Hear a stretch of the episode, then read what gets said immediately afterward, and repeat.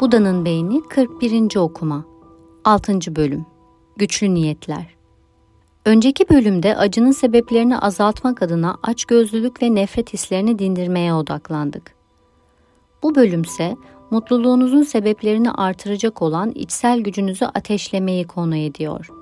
Beyninizin nasıl motive olduğunu, yani niyetlerini nasıl kurduğunu ve onları elde etmek için neler yaptığını ve yaşamınızda güçlü bir şekilde ilerlemek adına bu sinir ağlarını nasıl kullanacağımızı göreceksiniz. Canlı olmak, geleceğe, bir sonraki nefese veya besine uzanmaktır ya da mutluluğa, sevgiye ve bilgeliğe. Beyin omurilik ekseni Beyniniz, beyin omurilik ekseni denen hat boyunca aşağıdan yukarıya ve içeriden dışarıya doğru evrimleşmiştir. Bu eksen, beynin düzenlenmesini kavramsallaştırmanın bir yoludur. Alttan başlayarak beyin omurilik eksenindeki dört ana seviyenin niyetlerinizi nasıl desteklediğini inceleyelim. Beyin sapı Beyin sapı, sizi eyleme geçmeye hazırlamak, amaçlarınızın peşinden giderken enerjinizi korumak ve onlara eriştiğinizde sizi ödüllendirmek adına beyninize norepinefrin ve dopamin gibi nöromodülatörler salgılar. Ara beyin Diensefalon Diensefalon talamusu yani beynin duyusal veriler için merkez santralini ve otonom sisteminizi yönlendiren ve hipofiz bezi aracılığıyla endokrin sisteminizi etkileyen hipotalamusu içerir.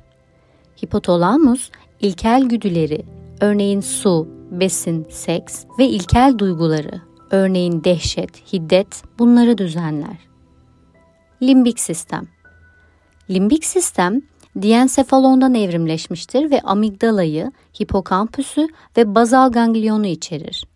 Esasen duyguların merkez istasyonudur. Limbik yapılar Diensefalonun yanlarında ve bazı durumlarda da altında, örneğin amigdalada yer alır. Bu yapılardan bazıları daha aşağıda bulunmalarına rağmen yakın zamanda evrimleştiklerinden beyin omurilik ekseninde daha yüksek seviyede değerlendirilir ki bu da biraz kafa karıştırıcı olabilmektedir.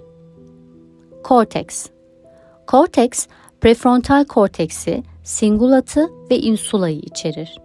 Bu kitapta önemli rol oynayan bu bölgeler soyut akıl yürütme ve kavramlar, değerler, planlama ve organizasyon, kendini gözleme ve dürtü kontrolünün yürütücü işlevleriyle ilgilidir. Korteks aynı zamanda az çok kulaktan kulağa, duyular ve hareket, parietal loblara, algı, temporal loblara, dil ve hafıza ve oksipital loblara yani görüşe, bek, genişleyen, duysal ve motor şeritler içerir. Bu dört seviye sizi motive etmek için birlikte çalışır, beyin omurilik ekseninin üstüne ve altına entegredir.